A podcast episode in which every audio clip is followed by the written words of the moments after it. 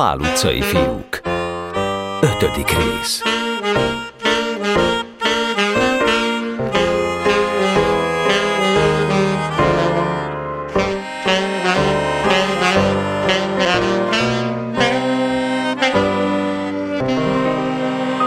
Két nappal ezután, csütörtökön, mikor a füvészkertre ráborult az este, a kis hídon álló két őr egy sötét alak közelettére fegyverbe lépett.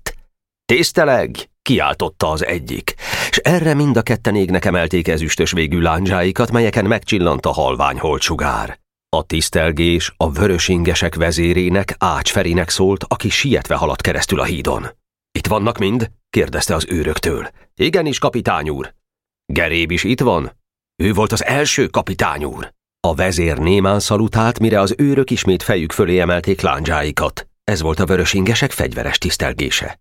A sziget kis tisztásán akkor már összegyűltek volt az összes vörösingesek. Mikor Ács belépett közéjük, az idősebbik pásztor elkiáltotta magát. Tiszteleg! És a sok hosszú ezüst papíros lándzsa felugrott a fejek fölé. Sietnünk kell, fiúk, mondta Ács Feri, miután viszonozta a köszöntést, mert egy kicsit elkéstem. Azonnal lássunk a dologhoz. Gyújtsátok meg a lámpát! A lámpát sose volt szabad addig meggyújtani, amíg a vezér meg nem érkezett. Ha a lámpa égett, az azt jelentette, hogy Ácsferi is a szigeten van.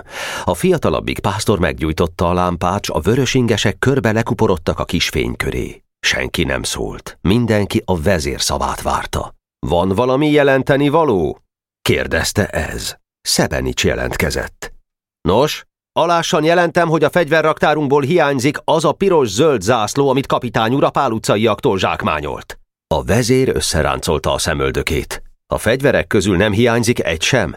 Nem, mint fegyvertáros, mikor idejöttem, megnéztem a romban a tomahaukokat és a dárdákat. Egytől egyig mind ott volt, csak a kis zászló hiányzott. Azt ellopta valaki.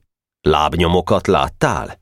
Igen, mint minden este a törvény szerint úgy tegnap is fölhintettem finom homokkal a rom belsejét, és mikor ma megvizsgáltam, találtam benne egy kis lábnyomot, amely a hasadéktól egyenesen abba a szögletbe vezetett, ahol az ászló volt, és aztán a szöglettől kivezetett a hasadékig. Ott eltűnt a szemem elől, mert ott már kemény és gyepes a föld. A lábnyom kicsi volt? Igen, olyan kicsi, hogy sokkal kisebb, mint a Vendaueré, pedig neki van köztünk a legkisebb lába. Nagy csönd lett. Valami idegen járt a fegyvertárban, mondta a vezér. Mégpedig Pál utcai fiú volt. Moraj futott végig a vörösingesek közt. Onnan sejtem, folytatta Ács, mert ha valami más gyerek lett volna, elvitt volna a fegyverek közül is legalább egyet. De ez csak a zászlót vitte el. Valószínűleg megbíztak valakit a Pál utcaiak, hogy a zászlójukat lopja vissza. Nem tudsz erről, Geréb? Tehát Geréb már mint állandó kém szerepelt. Felállott. Nem tudok róla. Jól van, leülhetsz. Utána fogunk járni. De most intézzük el a dolgunkat.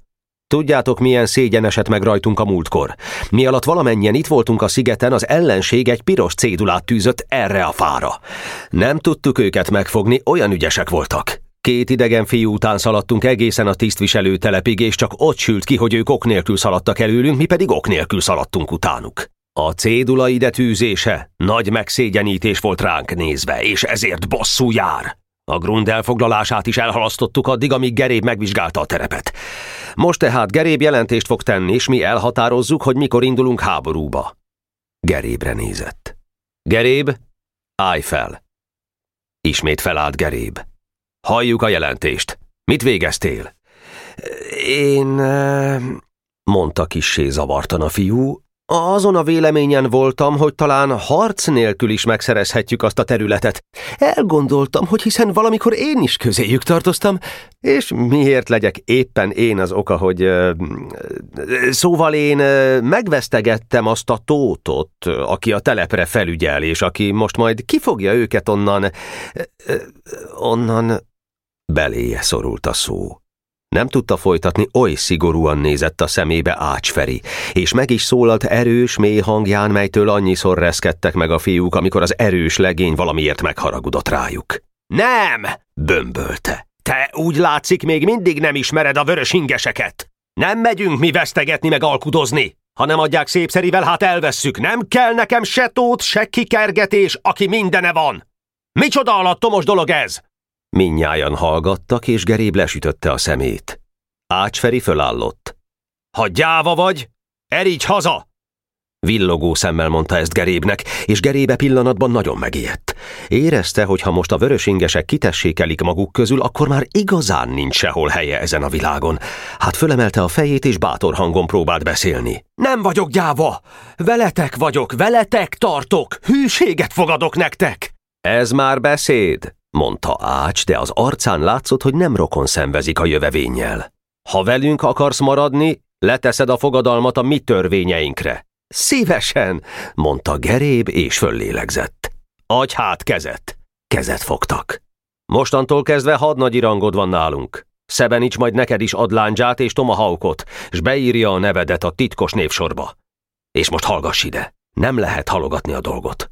A támadás napját holnap tűzöm ki. Holnap délután valamennyien így gyülekezünk. A csapat fele a Mária utca felől megy be és elfoglalja az erődöket. A csapat másik felének te fogod kinyitni a Pál utcai kiskapucs, ez a rész ki fogja kergetni a grundbelieket onnan. Vagy ha a farakások közé menekülnek, akkor az erődökből támadják meg őket a többiek. Nekünk labda terület kell, és ezt meg fogjuk szerezni, bármi történjék is. Mindenki fölugrott. Éljen! Kiáltották mind a vörös ingesek, és láncsáikat a magasba emelték. A vezér csöndet intett. Még meg kell tőled kérdeznem valamit. Nem gondolod, hogy a pál utcaiak sejtik, hogy te hozzánk tartozol? Nem hinném, felelt az új hadnagy. Még ha itt is volt valaki közülük a múltkor, mikor a piros cédulát a fára tűzték, nem láthatott a sötétben. Tehát nyugodtan mehetsz be közéjük holnap délután? Nyugodtan. Nem fognak gyanítani semmit? Nem, és ha gyanítanának is valamit, nem merne szólni egyik sem, mert mind fél tőlem. Nincs azok közt egy bátor fiú sem. Egy éles hang vágott egyszerre közbe. Dehogy nincs! Körülnéztek. Ácsferi meglepetten kérdezte. Ki szólt? Senki se felelt. És az éles hang újra megszólalt. Dehogy nincs!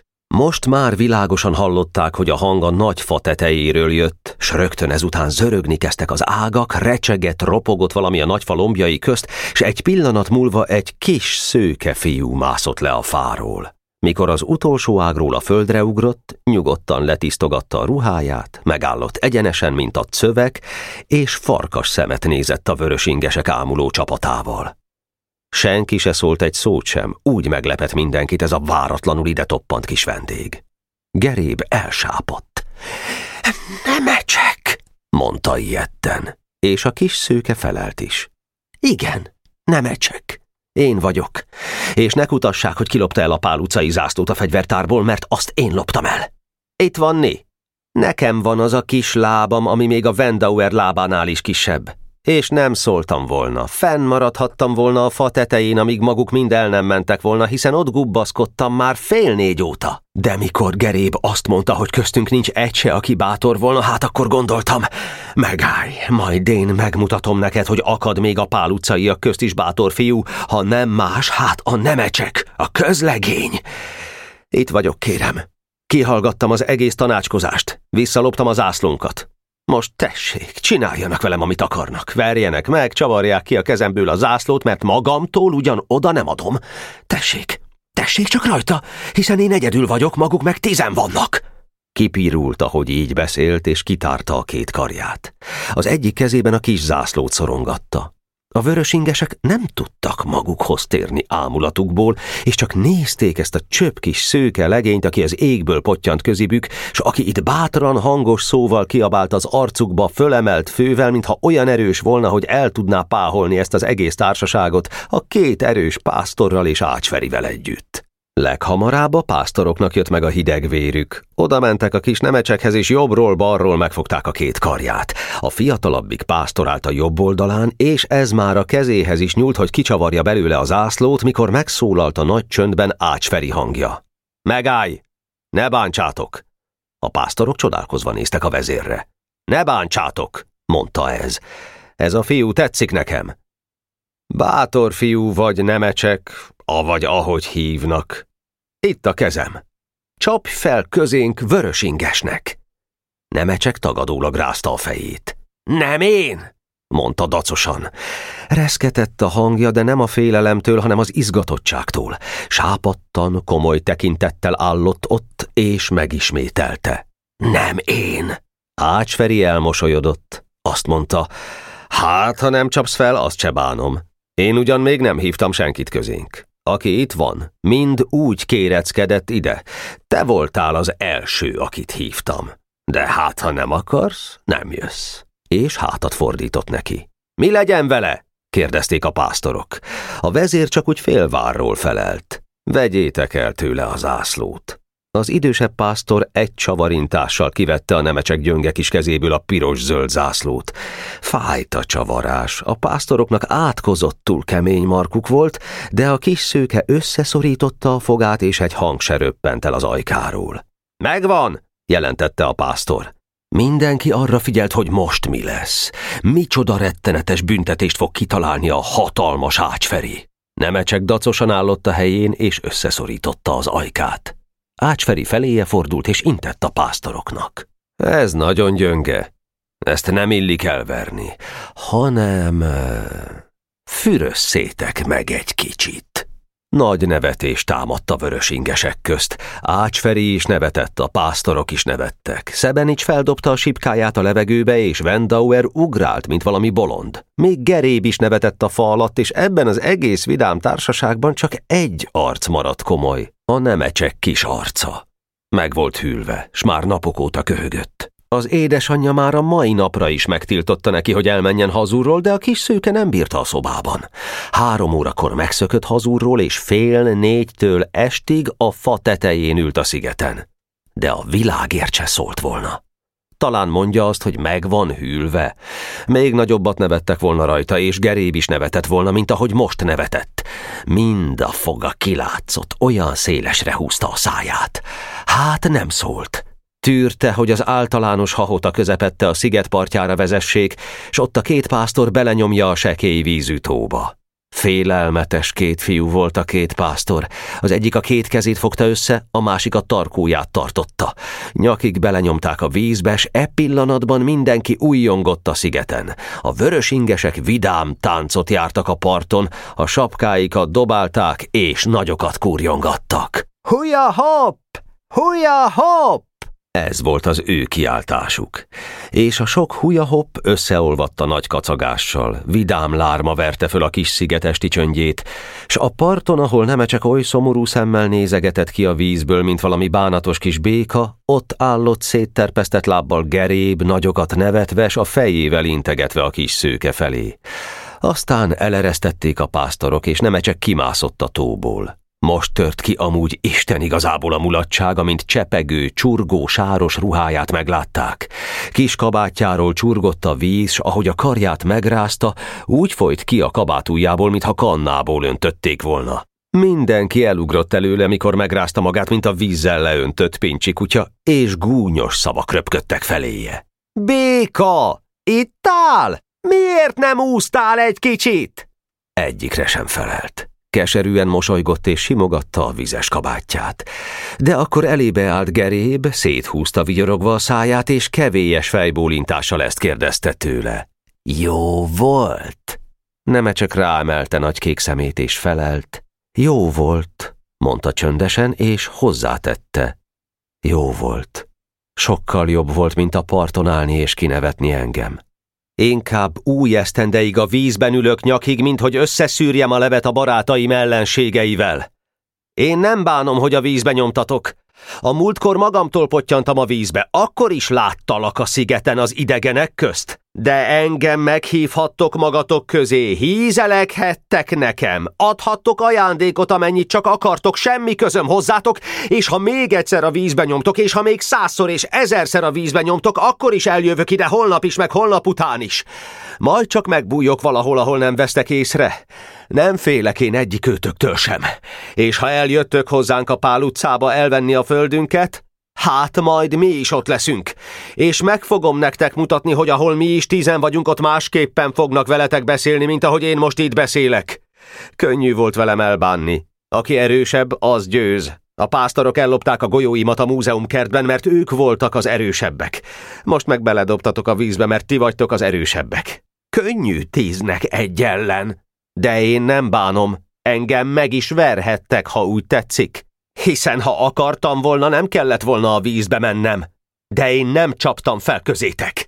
Inkább folytsatok vízbe és verjetek agyon, de én ugyan nem leszek áruló, mint valaki, aki ott állni. Ott! Kinyújtotta a karját, és gerébre mutatott, akinek most a torkának adta nevetés. A lámpa fénye ráesett a nemecsek szép kis szőke fejére, víztől fényes ruhájára. Bátran, büszkén, tiszta szívvel nézett a geréb szemébe, s geréb ezt a nézést úgy érezte, mintha valami súly szállott volna a lelkére. Elkomolyodott és lehorgasztotta a fejét és ebben a pillanatban úgy hallgatott mindenki, olyan nagy volt a csönd, mintha templomban lettek volna a fiúk, s tisztán lehetett hallani, amint a nemecsek ruhájáról a kemény földre csöpögött a víz. A nagy csöndbe belekiáltott nemecsek.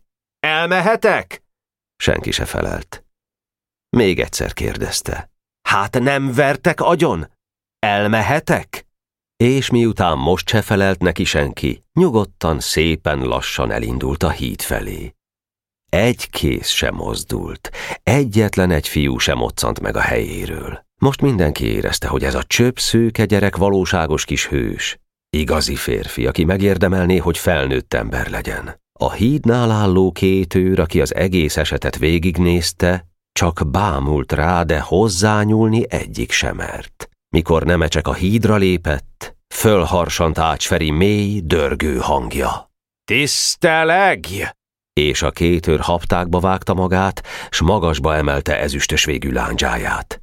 És mind a fiúk összecsapták a bokájukat, és valamennyien a magasba emelték lándzsáikat.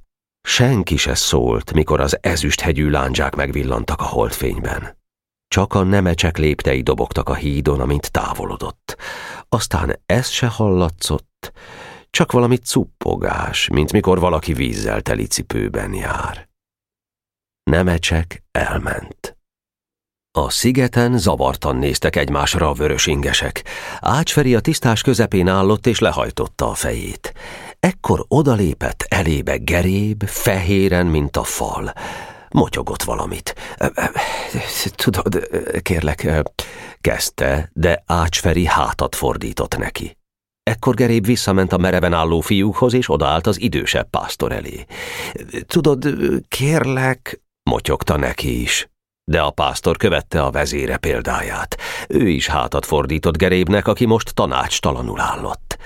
Nem tudta, mit csináljon. Aztán megszólalt folytott hangon. Úgy látszik, elmehetek. Erre se felelt senki. És most ő indult el ugyanazon az úton, amelyen az imént a kis nemecsek. De neki nem tisztelgett senki. Az őrök a híd karfájára támaszkodtak és belenéztek a vízbe, és geréb léptei is elhangzottak a füvészkert csöndjében.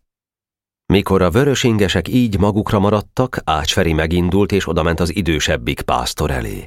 Egészen közel állott elébe, úgy, hogy az arca majdnem érte pásztor arcát csöndesen kérdezte tőle. Te vetted el ettől a fiútól a golyóját a múzeum kertben? Pásztor csöndesen felelt. Én. Az öcséd is ott volt? Igen. Ein stand volt? Az. Hát nem megtiltottam, hogy a vörösingesek kis gyönge gyerekektől golyót raboljanak? A pásztorok hallgattak. Ácsferivel szemben nem volt ellenkezés. A vezér szigorúan végignézett rajtuk, és ellentmondás nem tűrő hangon, de nyugodtan szólt, fürödjetek meg. A pásztorok értetlenül néztek rá. Nem értitek? Úgy, ahogy vagytok, ruhástul. Most ti fürödjetek meg. És mikor egyik-másik arcon mosolyt látott, azt mondta, aki pedig nevetni fog rajtuk, az szintén megfürdik. Erre aztán mindenkinek elment a kedve a nevetéstől. Ács ránézett a pásztorokra, s most már sürgető hangon mondta. No, fürödjetek meg, nyakig. Egy-kettő. A csapathoz fordult.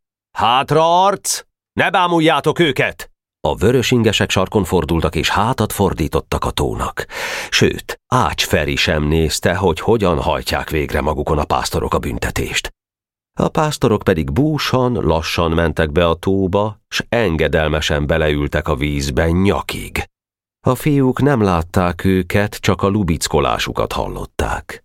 Ácsferi a tóra nézett, s meggyőződött arról, hogy a két fiú valóban nyakig merült a vízbe. Ekkor kiadta a parancsot. Letenni a fegyvert!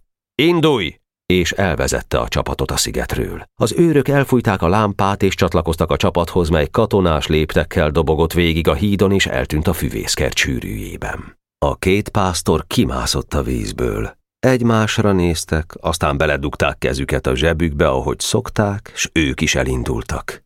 Egy szót se beszéltek egymással, és nagyon szégyelték magukat. A sziget pedig magára maradt a holdvilágos tavaszi este csöntjében.